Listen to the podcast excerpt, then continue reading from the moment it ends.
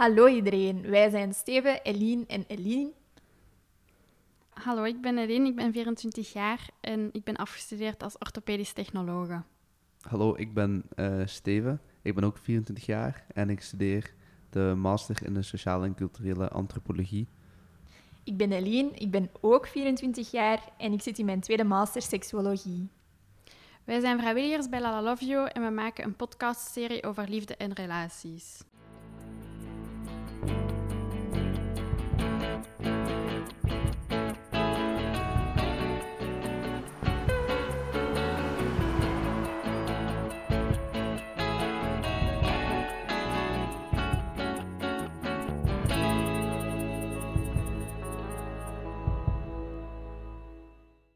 Vandaag gaan we het hebben over communicatie binnen een relatie. Ik heb voor dit onderwerp gekozen omdat ik merk dat heel veel mensen het moeilijk hebben met efficiënte communicatie. En ik hoop dat we tips kunnen meegeven aan jongeren om hen te behelpen.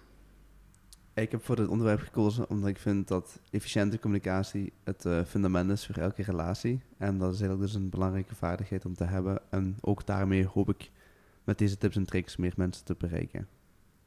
Ik heb voor dit onderwerp gekozen omdat ik denk dat een goede communicatie niet alleen kan helpen uh, bij een relatie, maar dat dat ook kan helpen om jezelf beter te, beter te leren kennen in die relatie. Als eerste behandelen we in de, deze podcast wat de basis is van een goede communicatie. Daarna gaan we het hebben over wat je best kan vermijden. En dat is dan op te delen in vier negatieve communicatiestijlen. Tot slot hebben we het nog over hoe je het best je gevoelens en je noden kan uiten. Eline, kan jij ons vertellen wat communicatie eigenlijk is? Dus communicatie is eigenlijk het bewust of onbewust een bepaalde boodschap overbrengen op iemand anders.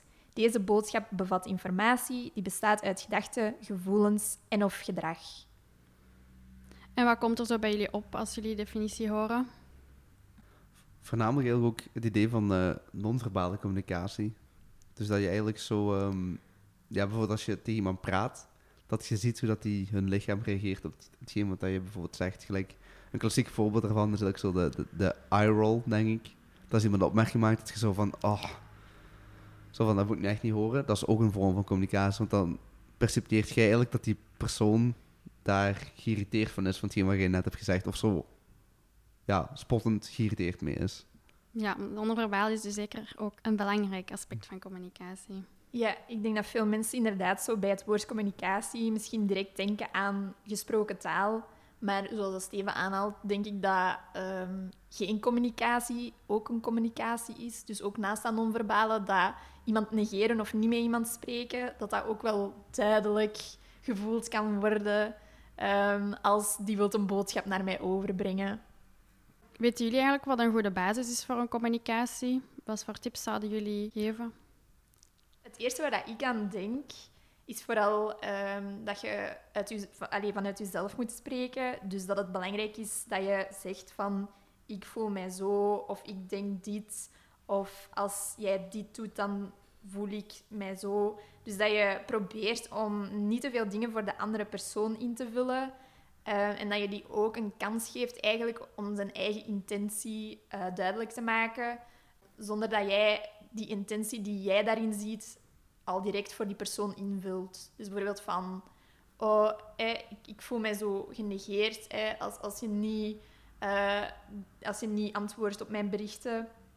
Uh, in plaats van direct te zeggen van, jij ziet mij niet graag, uh, want jij antwoordt nooit. Dus dat zal direct zo invullen voor de persoon wat dat hij met een bepaald gedrag bedoelt. En ik denk dat dat niet productief is. Heb jij nog een tip, Steven? Uh, ja, ook, ik ga me daar even bij aansluiten. Het is voornamelijk te doen dat je dan ook concreet gedrag benadrukt, hebben, mij, hebben ze mij altijd weten te, te zeggen. Um, het is ook belangrijk uiteraard dat je actief luistert uh, naar hetgeen wat er wordt gezegd. Dus dat je actief ligt luisteren om te begrijpen. Um, ja, kan je eens uitleggen wat dat actief luisteren exact is? Ja, actief luisteren is eigenlijk je vermogen dat je volledig uh, je aandacht focust op hetgeen wat de spreker tegen u aan het zeggen is, dat je de boodschap begrijpt en dat je daar eigenlijk op een bedachtzame manier gaat op reageren. Um, dat is dus meer in de vorm van uh, ja, je hebt dan een tegenstelling erover, heb je reageren. Dat is eigenlijk gewoon dat je direct, als er iets, een boodschap tegen u wordt gezegd, je in actie gaat ehm, komen op iets dat zich aandient, zonder dat je daar eigenlijk over nadenkt. Dus dat is eigenlijk een onmiddellijke reactie. Dat is meestal gedreven door overtuiging, bevoordeling en vooroordelen van de onbewuste geest. En je doet het eigenlijk, om in quotation marks te zeggen, zonder na te denken. Dat is iets spontaan, dat is iets vluchtig, dat is ja, geen doordachte keuze dat je eigenlijk hebt gemaakt. Ja, en daar wordt zo'n onderscheid gemaakt met responderen misschien. Dus het is best dat je eerst dat je eh, respondeert in plaats van reageert. Want responderen ehm, is het opmerken wat er eigenlijk bij u gebeurt als je actief luistert naar iemand en dan je afvragen of daar eigenlijk iets mee kan doen en of het nodig is om daar iets mee te doen. Dus eh, responderen gaat eigenlijk trager en is eerder gebaseerd op informatie van bewuste en onbewuste geest. Enkele tips hierbij zijn dus eerst pauze nemen alvorens te spreken in plaats van meteen te reageren. En dan identificeren van je gevoelens en je gedachten observeren, zodat je je triggers kan herkennen en dus niet meteen in de aanval of zo gaat bij het antwoorden van iemand.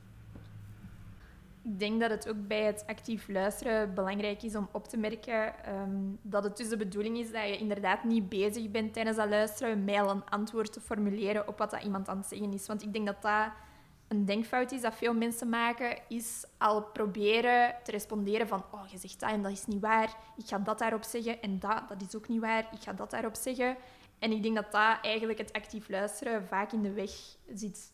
Ehm, en dat dat ook een belangrijke is om op te letten dat je ehm, probeert echt te luisteren en te begrijpen. En dat je niet al bezig bent met hoe ga ik hier nu op reageren. Eh, zoals dat we al hebben besproken. En dat je dus echt bezig bent met wat zegt die persoon nu? Hoe komt dat bij mij binnen? Wat doet dat met mij? Dus dat je eh, probeert om met die gevoelens stil te staan, eerder dan dat je al bezig bent met een reactie te vormen daarop.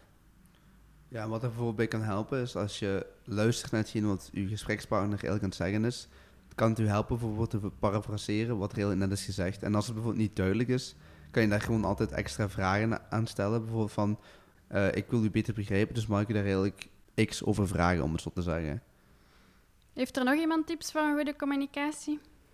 Niet verwijten, niet veronderstellen dat je weet hoe dat die andere persoon denkt of voelt. Want ik merk het nu uit persoonlijke ervaring ook niet alleen op, relation, alleen op liefdevolle relaties, maar ook gewoon sociale relaties. Dat het heel vaak mensen een interpretatie maken van hetgeen wat zij denken dat de andere persoon zegt. En het is eigenlijk gewoon best dat je gewoon duidelijk weet of vraagt of concreet weet van wat die persoon nu bedoelt met zijn boodschap of hun boodschap. Ja, dus veel vragen stellen en niet veronderstellen. Ja. Ja. en daarnaast denk ik ook dat het belangrijk is eh, dat, je, allee, dat mensen zich ervan bewust zijn dat je niet zomaar iemand kan forceren om over zijn gevoelens te praten. Er is een tijd en een moment om over bepaalde zaken te praten.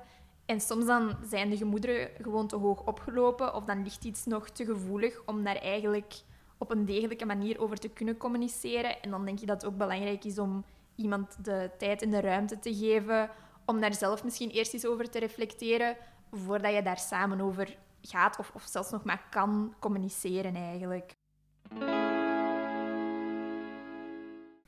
Eh, nog iets anders concreet is ook dat je eigenlijk maar best één onderwerp per keer bespreekt. Stel dat je een gesprek aangaat met iemand, ehm, is het niet de bedoeling dat je eigenlijk, eh, zoals ze dat in het plat zeggen, ik zeggen, oude koeien uit de sloot gaat halen. Dus dat je helemaal beperkt tot één topic of één onderwerp dat je eigenlijk stoort. Hier een concreet voorbeeld is bijvoorbeeld dat je zegt tegen een partner van, ik ben misschien vergeten de boodschappen doen, maar weet je nog die ene keer dat jij vergeten was om mij op te halen? Ja, dat, dat, dat, is, ja, dat zijn twee pijnpunten, maar eigenlijk gaat het niet over het feit dat, je, dat die persoon vergeten is de boodschappen te doen. En niet over het feit dat een andere persoon eh, ja, die vergeten is komen op te halen. En je moet zeker ook eh, letten op je taalgebruik. Dus dat je geen vernederende taal gebruikt of, of niet te snel gaat roepen. Of ja, gewoon niet roepen eigenlijk, want dan gaat de ander ook stem verheffen. Eh, ja, dan kom je al snel in, in een visieuze cirkel. Ja, en ik denk dat het ook belangrijk is om te erkennen wanneer dat het gewoon niet zo goed gaat en wanneer dat je ja, spanning te hoog is opgelopen. Want het lukt niet altijd om rustig te blijven. Dus dan denk ik ook dat het belangrijk is om te weten wanneer dat je best een pauze kan nemen en wanneer dat je die terug kan opvatten, wanneer dat je allebei rustig bent geworden.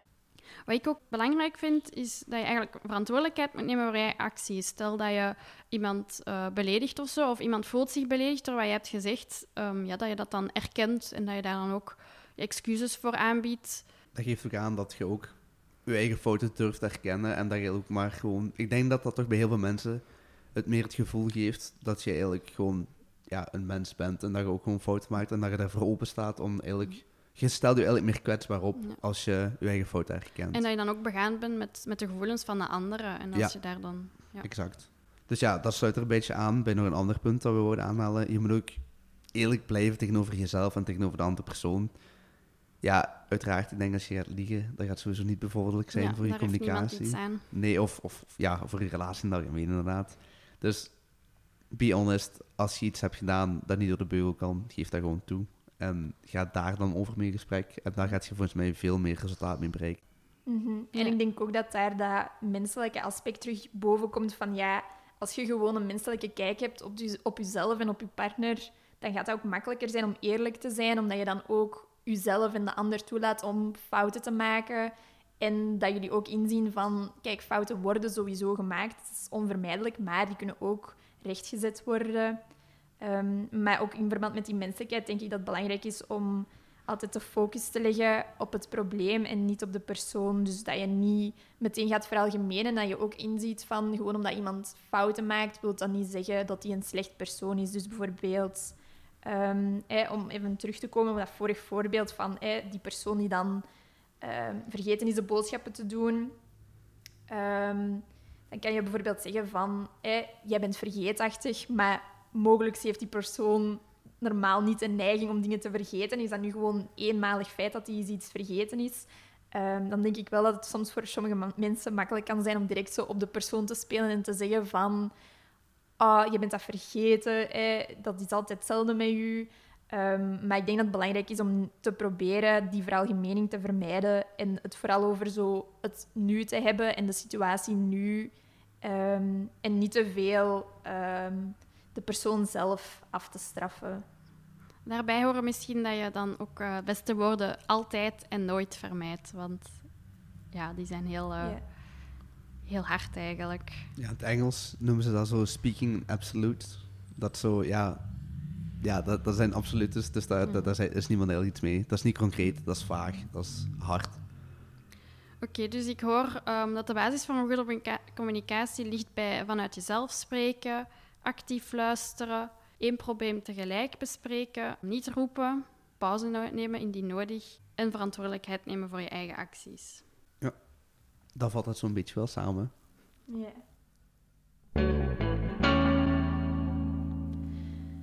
Ja, en dan zijn we aangekomen bij wat je best vermijdt bij communicatie. Kunnen jullie op een moment komen waar jullie achteraf van dachten, oei, dat is een slechte communicatie, en wat hebben jullie toen gedaan? Het eerste waar dat ik opkom is niet echt iets concreets, maar ik merk wel bij mezelf dat ik soms een neiging heb om um, ja, eigenlijk zo vooruitgang te blokkeren. Dus bijvoorbeeld um, als iemand iets beloofd had om te doen of zo en die persoon heeft dat niet gedaan hè, en die zegt tegen mij van oh, maar weet je, ik zal het nu direct doen dan voel ik dat ik de neiging heb om zo te zeggen van ah, maar nee, het is niks, hoeft niet meer. Maar zo duidelijk een beetje met een passief-agressieve ondertoon. En, en dan merk ik ook bij mezelf dat ik soms nog wel verwacht dat die persoon dat, dat toch doet. Ehm, maar dat ik dan eigenlijk dat wat ontken. En dat ik dat zo eigenlijk de communicatie blokkeer. Ja, aanvullend daarop heb ik eigenlijk ook een gelijkaardig voorbeeld. Um, ik heb bijvoorbeeld voor gehad met mijn partner dat ik wist dat hij eigenlijk aan het liegen was over iets. En je wist 100% zeker dat die persoon aan het liegen daarover was. Dus je confronteert je daarmee en je zegt van, ah, gaat alles goed?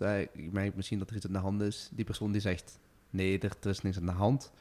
En dan zeg je van, ah ja, oké, dan, dan is het goed. Dan hoeven we er voor mij eigenlijk ook niet over te praten. Terwijl dat wel een probleem is dat eigenlijk aan u knaagt. En daar, ja, dat is zo'n beetje ook zo passief-agressief van, geblokkeerd je eigen vooruitgang. Ja, dat is inderdaad het gelijkaardig. Dus wat ik dan doe, is eigenlijk uh, mezelf kwetsbaar proberen opstellen en dan toegeven van, kijk, ik heb dat echt nodig of ik vind dat echt belangrijk. Hoewel dat dan niet altijd even makkelijk is, natuurlijk, om zo aan de ander te laten merken van, kijk, ik heb u nodig, ik heb die bevestiging nodig of ik heb nodig dat jij dit voor mij doet. Ja, dus misschien kan je dan ook eh, toegeven van ik, ik merk dat ik die neiging nu heb van, van tegen te werken. En ehm, ja, ik wil dat eigenlijk niet doen. Dus echt gewoon vlak af zeggen van ik merk dat dat dan nu is en ik, weet dat dat fout is. En eh, dat, dat benoemen kan al heel veel doen. Zo benoemen van, ik zou nu liefst wel zeggen van, nee, laat maar. Maar eigenlijk zou ik inderdaad nog wel graag hebben dat je dat toch nog doet, of dat we daar toch nog over hebben. Ehm, dus ik denk dat dat inderdaad is zo zeggen wat dat je neiging is, zodat je partner die misschien ook kan herkennen en u daarop kan aanspreken. Ja. Deze twee voorbeelden kan je zeker ehm, onder de vier negatieve communicatiestijlen stijlen plaatsen. Dus deze zijn opge- opgemaakt door psycholoog en echtscheidingsspecialist John Gottman. En eh, ze noemen de Four Horsemen. De eerste daarvan is kritiek uiten. De tweede is defensief reageren. Dan heb je ook nog tegenwerken en minachting uiten. We hebben dialogen voorbereid om concreet voorbeelden te geven van deze vier stijlen. En dan per dialoog gaan we analyseren wat er fout ging. Lida en ik eh, gaan onze beste acteerskills proberen boven te halen om die dialogen zo realistisch en concreet mogelijk weer te geven.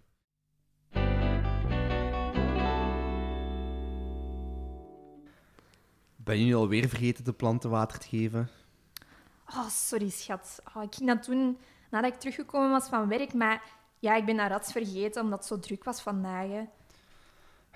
Het is echt altijd hetzelfde met jou. Wanneer ik jou vraag om eens één ding te doen in het huishouden, vergeet je het altijd. En stop alsjeblieft met je zo achter het excuus te verbergen als ik had het druk. Het kan me gewoon niet schelen. We hebben het allemaal wel druk. Oei, oei, hier ging heel veel mis in het voorbeeld. Ja, eh, het eerste wat we, of, allee, wat we eigenlijk hebben gedaan is... We hebben veralgemening gebruikt, zoals altijd, nooit. Ja, dat hadden we Ehm, daarnet al aangehaald. ja. Dat dat zeker geen goede... Dat is niet concreet, dat is vaag, daar zet je eigenlijk niks mee. Dat maakt de situatie alleen maar erger dan wat het is. Ja, en dat is ook op de persoon spelen van jij doet altijd dit en nooit dit. En in 100% van de gevallen is dat eigenlijk niet het geval. Ja, en dan is dat precies dat die andere zou moeten bewijzen dat hij dat niet altijd doet. Ja. Dus ja, dat is ook zeker... inderdaad. En dan heb je natuurlijk een wel eens niet eens en daar komt je nergens mee. Dat is een cirkelredenering eigenlijk, waar Ja. je niet uitkomt. Wat we ook zien in dit voorbeeld is dan invullen voor de ander wat dat hij voelt of wat dat hij bij een bepaald gedrag bedoelt. In dit voorbeeld is het dan zo van... eh, jij hebt de planten geen water gegeven omdat het u allemaal niks kan schelen. eh, en niet omdat je het vergeten bent, zoals dat die persoon eigenlijk zegt. Dus je geeft die geen kans om zijn echte intentie ehm, weer te geven. Dus je vult dat direct in... Ja, ja, eh, dat is gewoon een mooi excuus. Het kan u gewoon allemaal niet schelen. Eh, verder is er ook ja, eigenlijk sprake van wat ze noemen in de literatuur een fundamentele attributiefout. Dat wil eigenlijk zeggen dat er dus de context wordt genegeerd en eigenlijk alle schuld zegt iets over de ander als persoon. Ja, dat is iets uit de psychologie dat we vaak terug zien komen. Dus de fundamentele attributiefout, dat, dat houdt vooral in ehm, dat wanneer het over onszelf gaat, we de context heel belangrijk vinden eh, als er iets fout loopt en dat we eh, weinig op onszelf gaan nemen als verantwoordelijkheid. Maar dat wanneer, het over een ander gaat, dat de persoon zelf opeens heel belangrijk wordt en de context net wordt genegeerd. Dus in dit voorbeeld is dat dan van...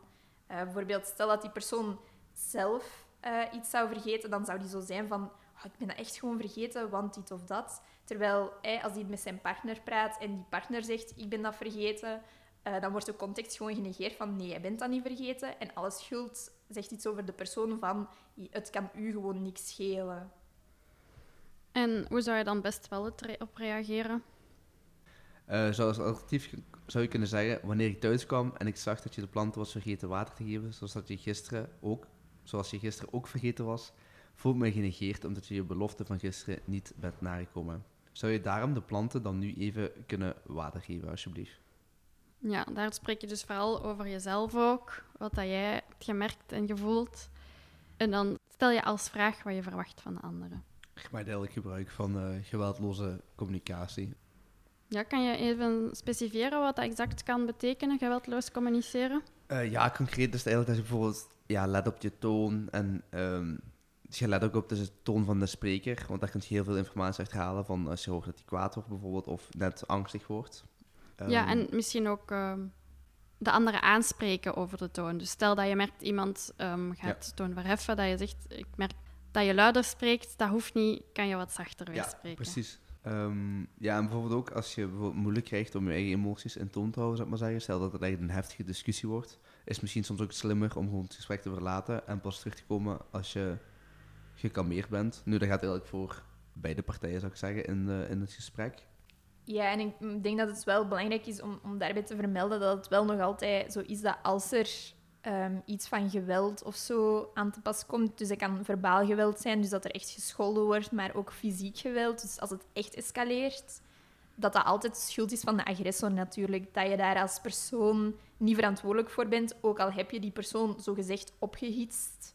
Eh, die heeft er nog altijd op een manier voor gekozen. Maar het is natuurlijk te verkiezen dat je samen probeert om te vermijden dat het zo ver komt. En ik denk dat het daarom wel belangrijk is om, om als ehm, anderen in het gesprek, als je ziet dat het voor iemand anders moeilijk wordt eh, en die persoon wil het gesprek verlaten en die wil even tot rust komen, dat je daar dan ook eh, respect voor hebt en dat je die grens respecteert en dat je probeert om die andere persoon niet nog verder op te stoken of daarachteraan te lopen. ehm, door te zeggen van, oh, kan je het niet aan? Of, of loop niet weg, ik ben tegen jou bezig of zo. Dat je dan eh, ook gewoon duidelijk tegen die persoon verwoordt van, ik respecteer uw grens. In die zin dat je zegt van, neem je tijd, ik, ik wacht hier en ik ben er voor u. Eh, of laat mij weten, hè, als je het gesprek verder wilt zetten. Ik vind het belangrijk dat we hier samen uitkomen, maar ik snap dat je eventjes tijd nodig hebt. Maar dan vind ik dat ook wel belangrijk dat dus die persoon die dan weg wil, niet gewoon weggaat zonder iets te zeggen, want dan weet de ene niet of dat hij dan wel wil terugkomen, maar dus duidelijk te zeggen wat hij voelt en waarom dat hij alleen zal, eh, wilt zijn. En dan misschien ook eh, aangeven van ik wil het gesprek echt wel ehm, verder afmaken, alleen niet nu. Ja, ik denk dat het ook gewoon gezond is om je eigen grenzen te kennen. En ik denk dat er ook gewoon geen goede communicatie kan zijn als iemand te emotioneel wordt, dat je dan best gewoon eventjes een pauze neemt. Het is niet erg om emotioneel te worden, maar het is wel ehm, niet heel productief om dan nog zo te blijven doorgaan op dezelfde punten als je merkt dat er gewoon weinig ruimte is om na te denken, omdat je te veel dingen aan het voelen bent op dat moment. Ja, dit dialoog was dus een heel goed voorbeeld ehm, van kritiek uiten. En ik onthoud vooral dat je best praat over hoe acties van iemand anders ehm, jou doen voelen. En daarmee dan geweldloze communicatie te gebruiken. Ehm, ja, en dan te vertellen wat je nodig hebt en op een positieve manier dat verwoorden. Dus bijvoorbeeld, ehm, wanneer jij dat doet, voel ik mij zo, omdat ik dat nodig heb. En zou je daarom dat voor mij willen doen?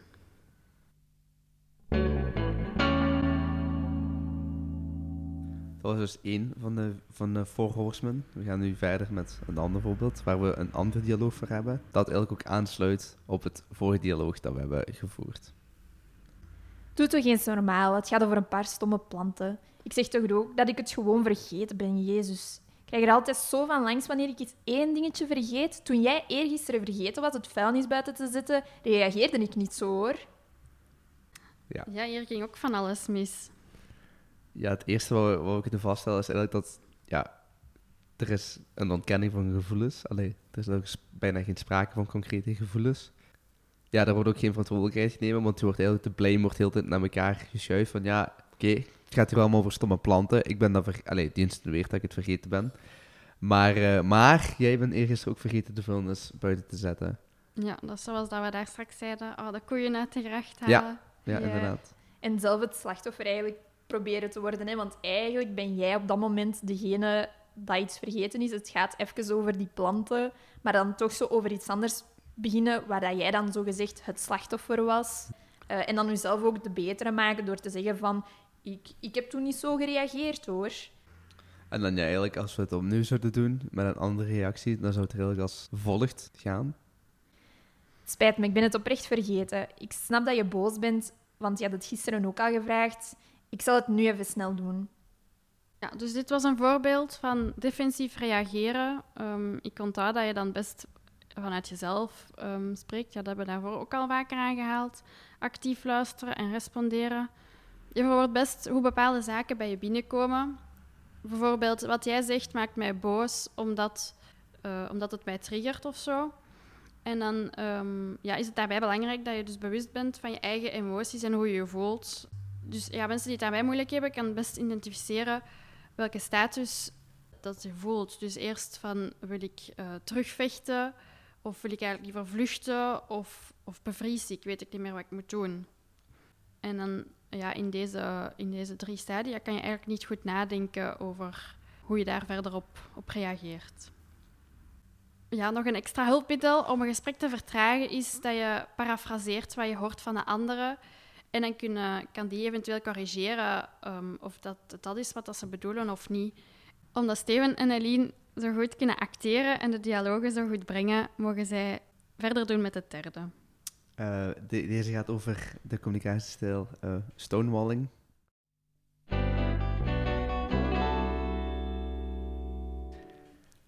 Vertel me nu gewoon wat er is gebeurd, alsjeblieft. Maar er is helemaal niks gebeurd die avond. En trouwens, dat zijn uw zaken ook gewoon niet. Maar waarom krijg je dan allemaal van die vreemde berichten van vrienden binnen die zeggen dat je gisteren met iemand anders hebt gekust? Ik zou graag horen wat jij daarover te zeggen hebt. Mm. Ja, maar kijk, dit maakt mij echt kapot. Zeg nou toch alsjeblieft gewoon wat er is gebeurd. Ik kan niet beloven dat ik niet boos zal zijn, maar ik moet wel van jou horen wat er precies is gebeurd. Maar niks. Ja. Oei ja, wat gaat er nu allemaal mis in dit voorbeeld? Ja, dat lijkt me vrij duidelijk. Eline Ja. weigert om met mij te praten. Ze zwijgt. Ja, dat is heel storend natuurlijk. Ja, ja uiteindelijk weet die partner dan ook niet ja, waarover het gaat. En die hoort heel erg via een derde bron wat er mogelijk is gebeurd. Dus dat zijn allemaal geruchten en speculaties. Wat niet bevorderlijk is als je ja, zo'n gesprek, zo'n zwaar gesprek, heel toch gaat moeten aangaan met die partner. Ja, en de partner die, ja, die blijft eigenlijk nog heel rustig en die houdt de conversatie nog open. Ondanks dat er veel ja, berichten worden gestuurd en zo. Dus hij zou er ook gewoon van kunnen uitgaan, direct van dit is waar en ik ga heel kwaad op u zijn. Maar hij probeert nog de conversatie te starten, maar het is duidelijk dat de andere persoon eigenlijk de communicatie gewoon volledig blokkeert door niks te zeggen.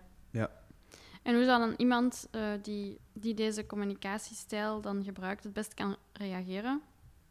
Ja, ik denk dat in dit geval ehm, volgende communicatie beter zou zijn dan wat er vooraf is gebeurd. Dus dat de persoon zegt...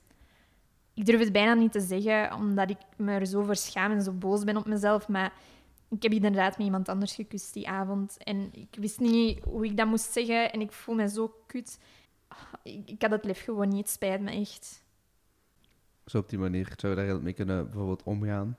Ja, dus ook weer vooral vanuit jezelf praten en je gevoelens en emoties bespreekbaar maken. Ja, voornamelijk dat doorbreken van eigenlijk het open en eerlijk communiceren over wat er gaande is. En hoe dat jij dat eigenlijk ervaren hebt.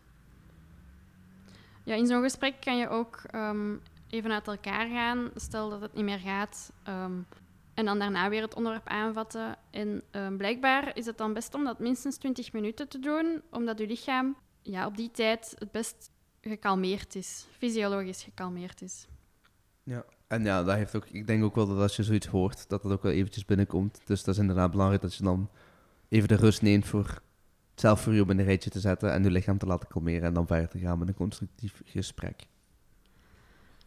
Ja, dit was dus heel duidelijk wat betreft het negatieve communicatiestijl tegenwerken. Nu gaan we eigenlijk over tot, tot de laatste en eigenlijk ook de meest kwalijke, en dat is minachting.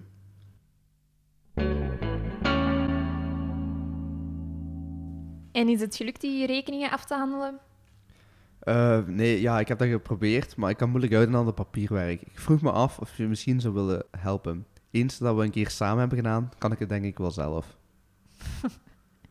Meent je dat nu? Dat is toch le- letterlijk het simpelste dat er is. Alles staat uitgelegd op die papieren zelf. Eh kunt je niet lezen of bent je gewoon dom of zo? Ik heb dat van de eerste keer zelf gedaan. Ik snap niet dat je daar niet aan uit kunt. Maar Oei, hier ging ook weer van alles mis. Eh, ja, ik merkte dat, dat, dat Eileen vooral beledigde en heel respectloos was tegenover Steven. aan mij nog niet. Ik voelde, dat bijna, ik, Steven. voel- ik voelde dat bijna fysiek zelf al. Zo van, oh my god. Eh, ja, dus dat is inderdaad gewoon het principe van gewoon minachtend doen tegenover uw, uw partner. Van, ik ben beter als jij, jij zit minder als mij. En het is belangrijk dat je uw plaats weet. Ja, en hoe kan je dit eigenlijk oplossen? Ja, ik denk dat het duidelijk is wie hier in deze conversatie niet zo goed heeft gecommuniceerd en niet zo mooi heeft gereageerd. De boosdoener is. Ja. Dus ehm, ik denk dat ik beter iets had gereageerd van... Oh ja, tuurlijk, ik heb het al een aantal keer gedaan, dus ik kan u gerust helpen en tonen hoe dat je dat moet invullen. Mhm. Ja, dus de oplossing voor zo'n communicatiestijl is er gewoon mee stoppen. Want ja, je, partner moet respect hebben voor je. Je kunt het ook gewoon best zoiets iets aankaarten met jij-boodschappen. Zo bijvoorbeeld van, oké, je kunt misschien de indruk hebben dat je partner dat minder als u heeft gedaan, tussen haakjes. Maar dan kun je wel bijvoorbeeld zeggen van, ah, ik zie dat je je best hebt gedaan, dankjewel. Ik zal daar wel verder mee helpen, of ik zal mijn best wel doen om u er de volgende keer best mee te be- begeleiden. Ja, maar het is inderdaad wel echt gewoon een communicatiestijl die niet oké is binnen Nee. een relatie. En ook gewoon in het algemeen. Mensen moet je respecteren, of dat je daar nu mee samen bent of niet. Dus ik denk dat deze oplossing hiervoor vrij evident is, maar daarom niet altijd even makkelijk. Dus dit was het voorbeeld van minachting. En eigenlijk hoort daar ook onder dat de passieve-agressieve communicatie of gedrag. En dat heeft eigenlijk verschillende vormen. Ehm, ja, kunnen jullie zo'n aantal opsommen? Ik denk dat de meest bekende de silent treatment geven is. Dus dat je gewoon niks zegt en iemand duidelijk negeert. Ehm, en dat die persoon dan zo is van, er is precies iets. Je zit Ja, zo dat- stil. Eh, Ik en vind dat, echt ja. verschrikkelijk, want je voelt dan zo die spanning tussen en dan weet je niet, ja, wat moet ik nu doen? En als je dan wel iets doet of iets erover aanspreekt, kan het misschien zijn dat je nog meer silent treatment krijgt. Dus Ja, echt de elephant in the room eigenlijk. En dan is het heel, inderdaad, zo die spanning die oploopt en je voelt het, het klopt niet, maar die persoon wil ook zomaar niet toegeven dat er duidelijk iets is. Dus ik denk dat dat toch wel de meest voorkomende is daar. Ja, dat denk ik ook wel.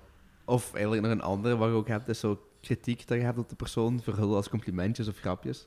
Ja, dus bijvoorbeeld dat je zo een, een opmerking maakt dat je, ja, vreemd als een grapje, en dan, of, of bijvoorbeeld gezegd dat als een, je zegt iets als een grapje, en dan zie je bijvoorbeeld dat die persoon daar niet mee gediend is, en dan kan je nog altijd zeggen van, ah ja, maar het was maar een grapje. Dat is eigenlijk ook geen gezonde manier van communiceren. Of eentje die ik ook wel al jammer genoeg heb meegemaakt, is zo de score bijhouden. Dus A, je is al zoveel keer heel kinderachtig, maar je bent al zoveel keer kwaad op, me- op mij geweest om reden X. Ik ga er nu ook gewoon bijhouden en ik heb nog wel wat reserves, zou ik zeggen, om, om eh, kwaad te zijn. Ja, en nog een andere die eigenlijk aansluit op die silent treatment geven, is confrontatie vermijden. Dus Mhm. ja, dat je niet rechtstreeks het gesprek aangaat en duidelijk laat merken, ik ben met iets niet gediend, maar dat je niet zegt en over wat dat het precies gaat en dat je eigenlijk die informatie achterhoudt en dat je achterhoudt dat er naar een oplossing gezocht kan worden en dat je partner daar iets aan kan doen eigenlijk. Bijvoorbeeld, als je dat zo, als ik dat goed begrijp, is dat wel zo, bijvoorbeeld, stel dat je, je hebt ruzie gehad met je partner, of je hebt confrontatie gehad met je partner, je gaat erna eten samen, waar je zo dat bord zo net iets harder op tafel neerzet ja, dan dat je normaal met de deuren Ja, sluiten en Ja. zo. Je voelt dan ook altijd direct die spanning. Ik, ik, kan dat, ja, ik word daar Ja, heel nee, ambetant nee, ik word van. er zo- Ik word er zo'n beetje zo mottig van. Allee. Ja, dus om het aan te pakken eh, kan je best de verbale en zelfs ook non-verbale communicatie expliciteren. En ook als er geen communicatie is, geen communicatie is ook communicatie. Mhm. Dus ehm, ja, om een heel concreet voorbeeld te geven, kan je zeggen van ja, je zegt wel dat er alles in orde is, maar ik merk dat je niet normaal gedraagt. Kan je, kan je uitleggen wat er is, alsjeblieft? Ja, ik denk dat het echt wel ook weer moeilijk is om zo je kwetsbaar op te stellen. Want dan zeg je eigenlijk weer tegen je partner van... Ik merk dat, ik heb daar last van, ik voel me daar een beetje hopeloos door. Ehm, maar het is daarom ook soms zo verleidelijk om mee te gaan in die passieve communicatie. En dan zo gewoon ook te zwijgen en de ander ook te negeren. Ja, en dan is het eh, soms ook weer gezond, zoals we al reeds hebben aangehaald bij andere communicatiestijlen, is het ook gewoon gezond om eventjes afstand te nemen van elkaar en niet te praten. Als je merkt dat je partner of jij eventjes gewoon de tijd nodig hebt om het te vermerken of om de eerste reacties of emoties op te vangen, dan is dat best dat je gewoon eventjes een tijdje wacht en dan pas het gesprek gedaan knopen. Bijvoorbeeld, als er zoiets is, zeg je het maar. Ik geloof je als je zegt dat je gewoon moe bent. Dan stel je het eigenlijk uit, maar ga je er wel, Ja. laat je de deur open voor een ander gesprek op een later moment. En dan ga je zelf ook niet opdringen. Als hij dan afstand wilt nemen, dan, dan laat je het open en dan zeg je dat je er voor hen bent. Oké, dit waren dan de vier, communicatiestijl- vier negatieve communicatiestijlen. Dus kritiek uiten, defensief reageren, tegenwerken en minachting. Ja, we kunnen concluderen dat eigenlijk goede communicatie in de kleine dingen schuilt. Dus zowel eh, in de manier hoe je iets zegt als non-verbale communicatie. En het helpt dan om waardering te uiten voor de anderen en te respecteren en dus open te communiceren. Een beetje het fenomeen van eh, practice what you preach. Dus eigenlijk als je zo wilt dat iemand op een bepaalde manier gaat behandelen, dan moet je dat ook laten zien dat je op die manier zelf wil behandeld wordt tegenover je partner. Mhm. En ook altijd in je achterhoofd houden van ik ben ook maar een mens en mijn partner is ook maar een mens en wij zijn gelijkwaardig en iedereen maakt fouten.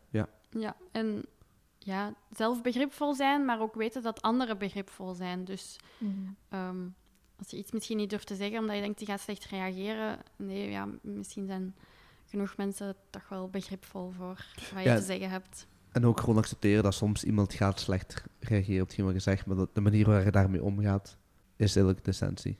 Ja.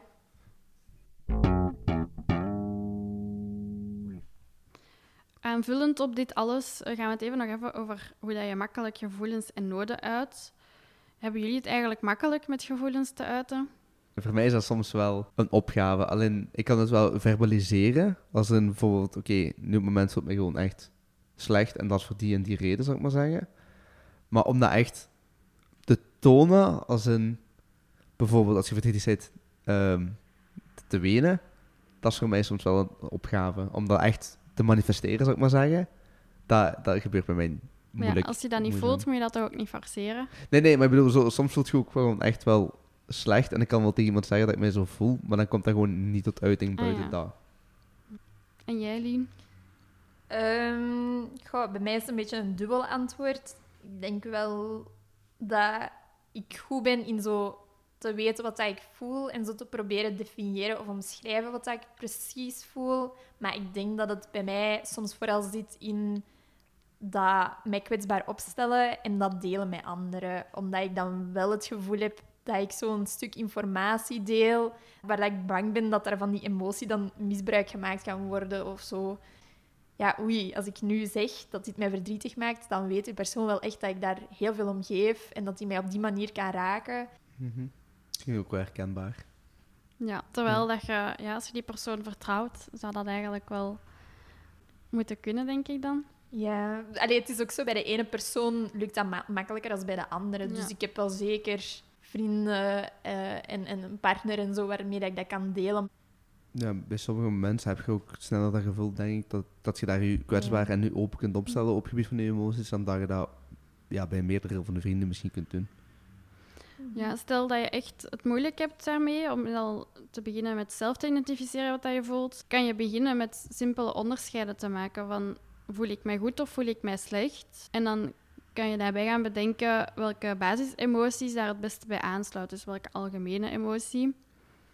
En dan kan je nog verder gaan toespitsen op, ehm, is het een mengeling van emoties of welke specifieke emotie. En ehm, ja, we hebben daarvoor een tool gevonden, de Wheel of Emotions. Dus eigenlijk een cirkel met ehm, ja, alle emoties. En de beginnend in het midden zijn zo de, de grote emoties. En dan wordt elke keer weer verfijnd naar, naar specifieke emoties. Dus stel dat je echt niet weet wat je voelt, kan je misschien op die manier vertrekken. En dan kom je woorden tegen voor wat je voelt.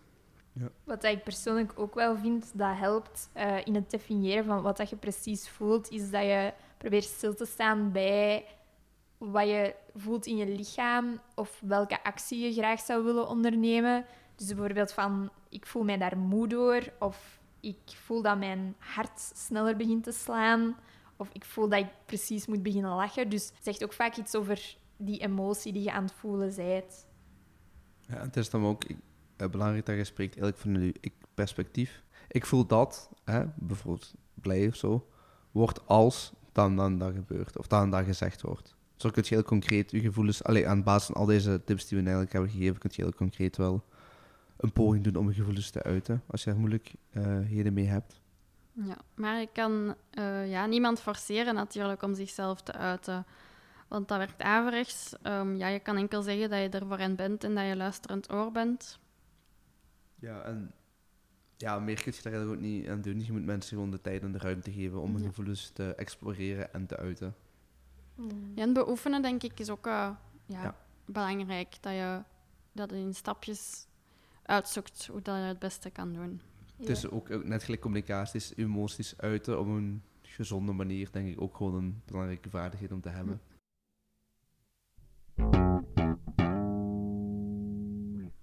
daarbij sluit ook aan ehm, ja, dat je dus best vanuit je noden spreekt. Eh, kunnen jullie makkelijk jullie noden uiten? Of houden jullie ze vaak voor jezelf omdat je misschien denkt van... Ja, ik ben niet belangrijk of ik voel mij te needy of zo. Als je mij nou pak vijf jaar geleden of zo had gevraagd, zou ik dat niet durven doen tegenover mijn partner. Omdat ik dan zoiets heb van, ja, het, zal, het is een beetje klein vergeleken met wat sommige mensen kunnen meemaken, dus het zal wel niet zo erg zijn, als je niet zegt.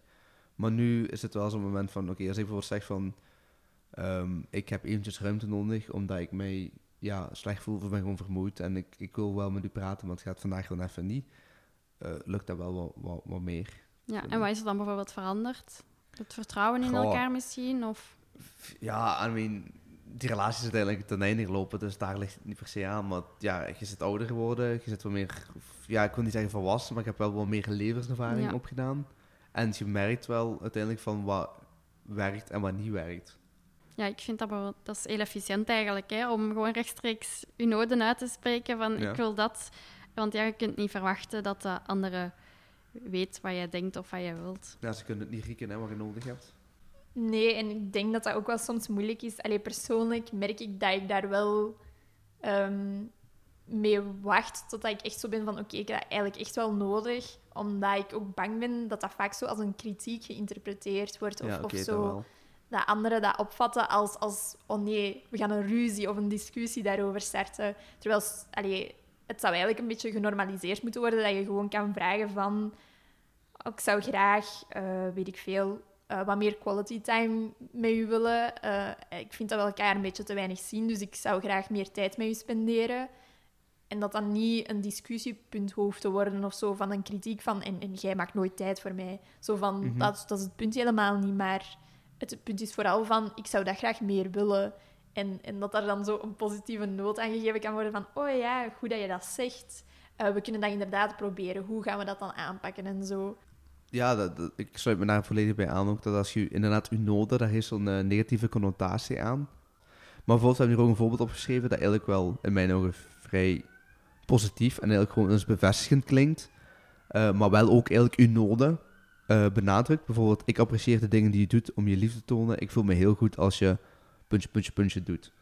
Dat geeft ook aan van, ja, ik heb wel liefde en aandacht nodig, maar je bevestigt hele tijd mee van, ah, wat je doet is eigenlijk heel goed en dat vervult mijn noden Ja, en ook heel concreet, Ja. dat de andere weet wat hij concreet moet doen om u dat te doen voelen.